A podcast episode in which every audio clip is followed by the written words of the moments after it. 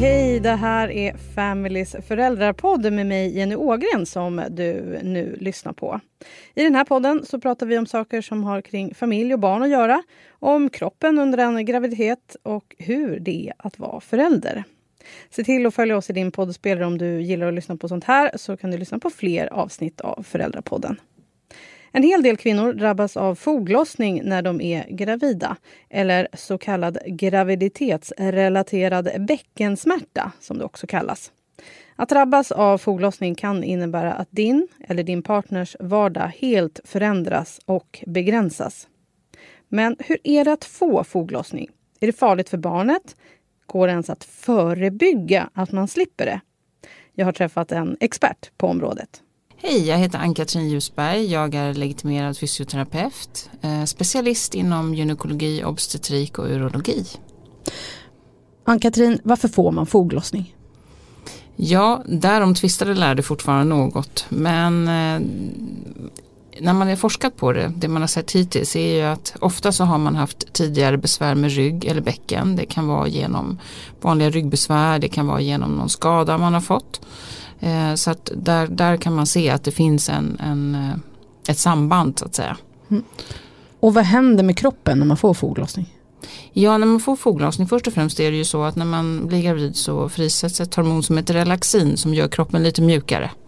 Eh, och det är ju framförallt fråga om att bäckenet ska bli mjukare för att kunna öppna upp för att föda en bebis den vanliga vägen eh, ut genom vagina så att säga. Eh, och hos en del så blir det så att de här fogarna, det finns ju tre fogar, de kallas fogar. Det är dels är det blygbenet och dels är det bäckenlederna som sitter bak i ryggen. Som kan bli lite uppluckrade. Och för att prata lite vardagsspråk då. Vilket gör att det blir en ökad rörlighet i de fogarna. Det är inga jätterörligheter vi pratar om. Men det, blir, det rör sig lite mer än vanligt för det är ganska stabila fogar i vanliga fall. Eh, där händer liksom ingenting. Och då skapar det, ju mer man rör på sig kan man säga förenklat sett, en smärta som tilltar ju mer man rör sig. Mm. Och det här ordet foglossning, är, alltså, vad, be, vad betyder det egentligen? Alltså, för det är väl inga fogar som liksom lossnar? Nej, inte riktigt. Men det här ordet är ju det, är ju det man använder till vardags. Eller en del säger bäckenuppluckring, bäckenbottenuppluckring och, och, och lite så. Eh, det heter egentligen inte så längre utan det heter graviditetsrelaterad bäckensmärta. Eh, det som händer är att om man tänker sig blygbenet, det är ju två, bäckenet består ju av två delar, två halvor som sitter ihop. Fram och bak. Eh, och fram så är det blygbenet där sitter det en broskplatta emellan. Den är ju väldigt stabil och ganska stenhård i vanliga fall. Men den blir liksom mjukare eh, och då uppstår lite rörelse eh, där och det är inte så skönt. Och vanligtvis om man tar på blygdbenen så gör ju inte det alls ont. Eh, sen har vi då bäckenlederna bak. Det är ofta där Eh, de kvinnor jag träffar då de pekar, jag har ont i korsryggen, ont i ländryggen och så. Och så när de pekar på vad det är så är det just på bäckenet och inte direkt på ryggen om man säger som de pekar. Och då är det ofta bäckenlederna, ena eller andra sidan som är lite bråkig. De lederna är egentligen inga leder, de är väldigt väldigt stabila i vanliga fall. Så där händer inte alls mycket. Men då när man får problem under graviditeten så blir det mer rörlighet där och det är ju inte så optimalt och då blir det ont. Ehm, och det är ju inte så att alltid alla tre fogar är lika illa drabbade. Det kan vara en, oftast är det en eller två. Sällan är alla tre lika drabbade. Det är alltid någon som är värst. Eh, och det är oftast där man brukar säga att det gör som mest ont. och till exempel att det gör ont på höger sida eller så. Okej. Okay.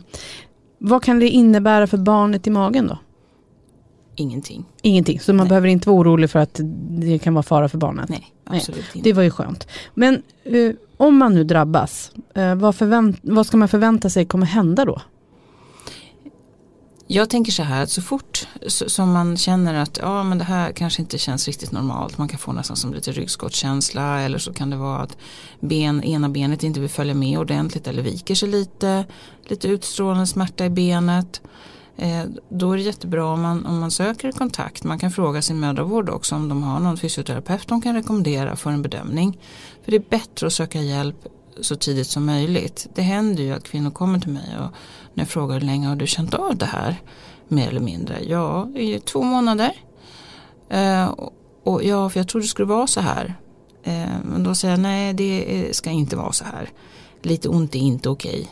Eh, utan då får man titta på om det finns någon orsak till och i så fall om man kan stoppa upp det hela lite grann. För att annars om man då bara låter det vara det beror ju på vilken grad man har. Alla är ju liksom olika mycket drabbade så att säga. Så att, eh, det, det, kan vara hyfsat okej okay, men det kan också vara så att det faktiskt blir riktigt invalidiserande. Så att det blir svårt att jobba och klara av hushållsgöromål och, och, och göra så mycket om man ska jobba heltid samtidigt. Kan du, om man säger så här, om det gör jätte, jätteont, kan man jämföra med någon annan smärta då? Om, om man inte förstår att det är det som man har och att det gör så ont att man inte fattar liksom att det är det här som händer i kroppen. Är det som att bryta benet eller är det liksom att få tusen nålar eller? Nej, många har ju en, alltså det är som en molande och ibland huggande smärta. Och det som händer är oftast att man mår ganska bra på morgnarna för de har ju vilat under natten förhoppningsvis. Eh, och, eh, och, och, sen så ju längre dagen går desto mer ont gör det. Därför att det beror på hur mycket du rör på dig ofta.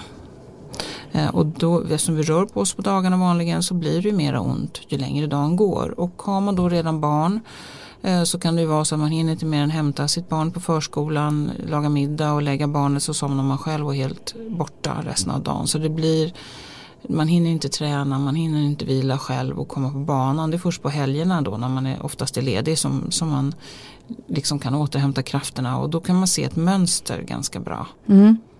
Så att om det är så att man känner den här smärtan, sök hjälp så fort som möjligt. Ja, jag tycker det. För att det är onödigt att gå och lida i onödan och bita ihop. För det kan ju vara någonting som, som går att stoppa upp och så att man är så funktionsduglig som möjligt eh, under tiden som man tillverkar en ny människa. Det är så fint ändå att man tillverkar en ny människa inom sig. Ja men och, det är fantastiskt. Och det är ju, men man vill ju inte ha ont medan man gör det. Nej. Så gör så, kontakta vården om det är så att du har ont helt enkelt. Eh, kan man förebygga foglossning? Eh, jag tänker att det är viktigt att man, eh, för det kan ju lätt bli att om, om man tänker så här, ja förebygga, jaha jag förebyggde inte så, alltså, så straffas jag nu. Och vi är så mycket så ändå att vi pressar oss själva för mycket. Jag tänker försök att hitta en balans i livet framför allt. Det vill säga eh, slit inte ut dig på jobbet utan hitta dina oaser av återhämtning och, och mental balans. Eh, och rör på dig lagom mycket precis som Socialstyrelsen rekommenderar det vill säga 150 minuter i veckan och två styrkepass. Och då handlar det framförallt att, att, att bli stabil i rygg och bäcken så att du har en, en schysst muskelkorsett. Eh, så att du har att du kan stabilisera upp dig och hålla mm. balansen. Finns det någonting som kan göra foglossningen värre? Ja, det finns en del som kan göra det värre och det är ju till exempel om man eh, går i trappa mycket Eh, om man står och hänger på ett ben, om man korsar benen. Eh, om man arbetar utanför den ergonomiska zonen som är ungefär som en trekant framför en. Eh, gör vridrörelse och lyfter tungt och så vidare. Enkla hushållsgöromål som dammsugning, eh, tvätta fönster, plocka i ur diskmaskin under bänknivå kan göra sakerna värre. Man behöver vara medveten om att det är viktigt att liksom ta sig lite pauser nu och då och gärna vila lite. Och också viktigt att man kanske pratar med sin partner och berättar Absolut. hur man faktiskt mår så att den får ta över ansvaret lite hemma också. Om man, även om man har det jämställt hemma så kanske man ändå måste hjälpas åt lite extra. Ja, jag tror att där är också jätteviktigt. Många eh, partners är ju jätteduktiga men det är så svårt att, att sätta sig in i hur otroligt jobbigt det kan vara.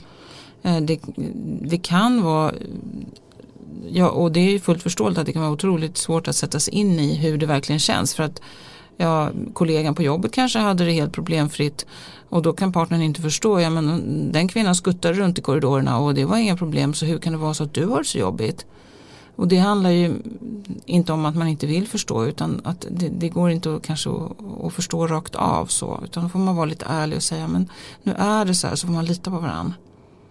Det låter bra tycker jag. Eh, om man slipper, säg att man har varit gravid och fått barn en gång, hur är det och inte har drabbats? kan man drabbas då andra gången och tredje gången och Ja. så vidare? Ja, absolut, det kan man.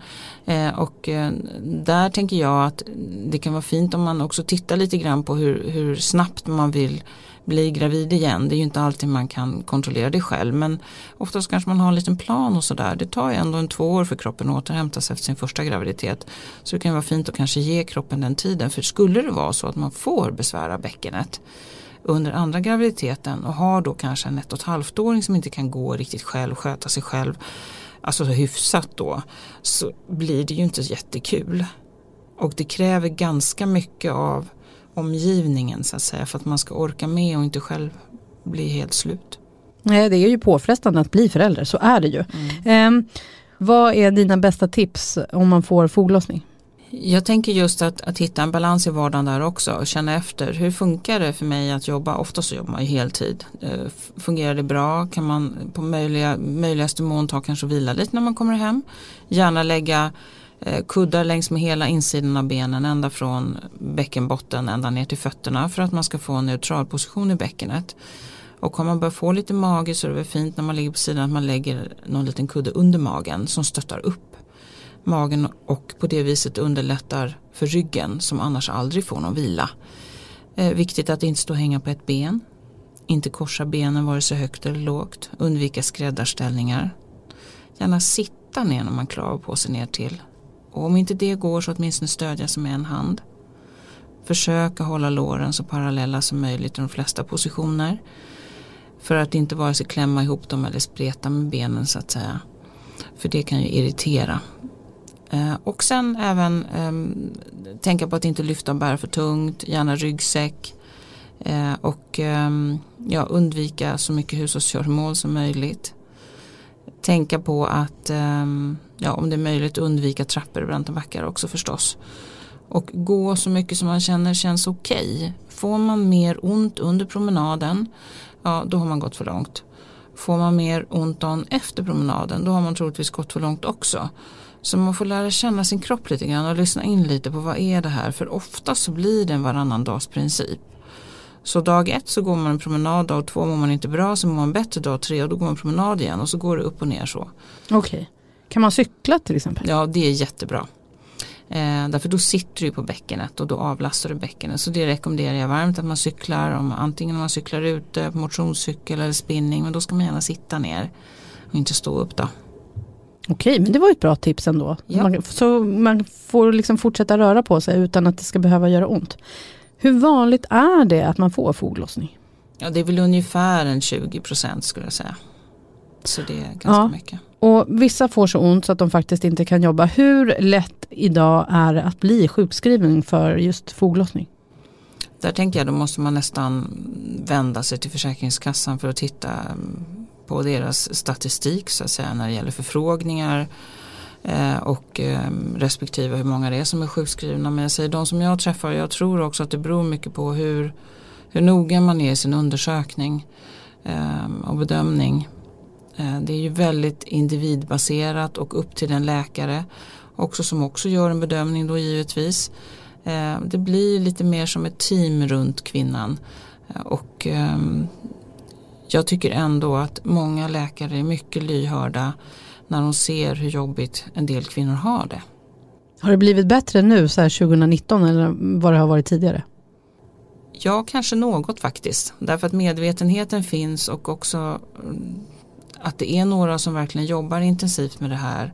Och man ser att det gör någonting och jag tänker att det är så viktigt på samhällsnivå. Förutom naturligtvis på individnivå att vi tittar på det här. Vad kostar minst i längden?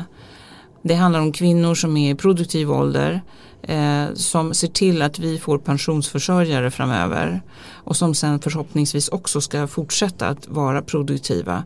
Har, tar de då inte hand om sin smärta eller får hjälp att göra det och hjälp att respektera den så är ju, är ju risken stor att de kan, eller det finns en risk att de får en kvarstående smärtproblematik efter graviditeten. Det är inte många men det händer och det är ju inte okej. Vad ger vi för signaler så att säga. Ann-Katrin, tack för att du var med idag. Tack för att jag fick komma. Ja, det här var allt ifrån Familys föräldrapodd den här gången. Och som Ann-Katrin säger i podden, har du eller din partner problem med just foglossning så se till att söka hjälp hos vården. Och du kan läsa mer om foglossning och andra familjerelaterade saker på family.se. Och du hittar fler avsnitt av Föräldrapodden där poddar finns. Jag heter Jenny Ågren. Vi hörs igen. Hej då!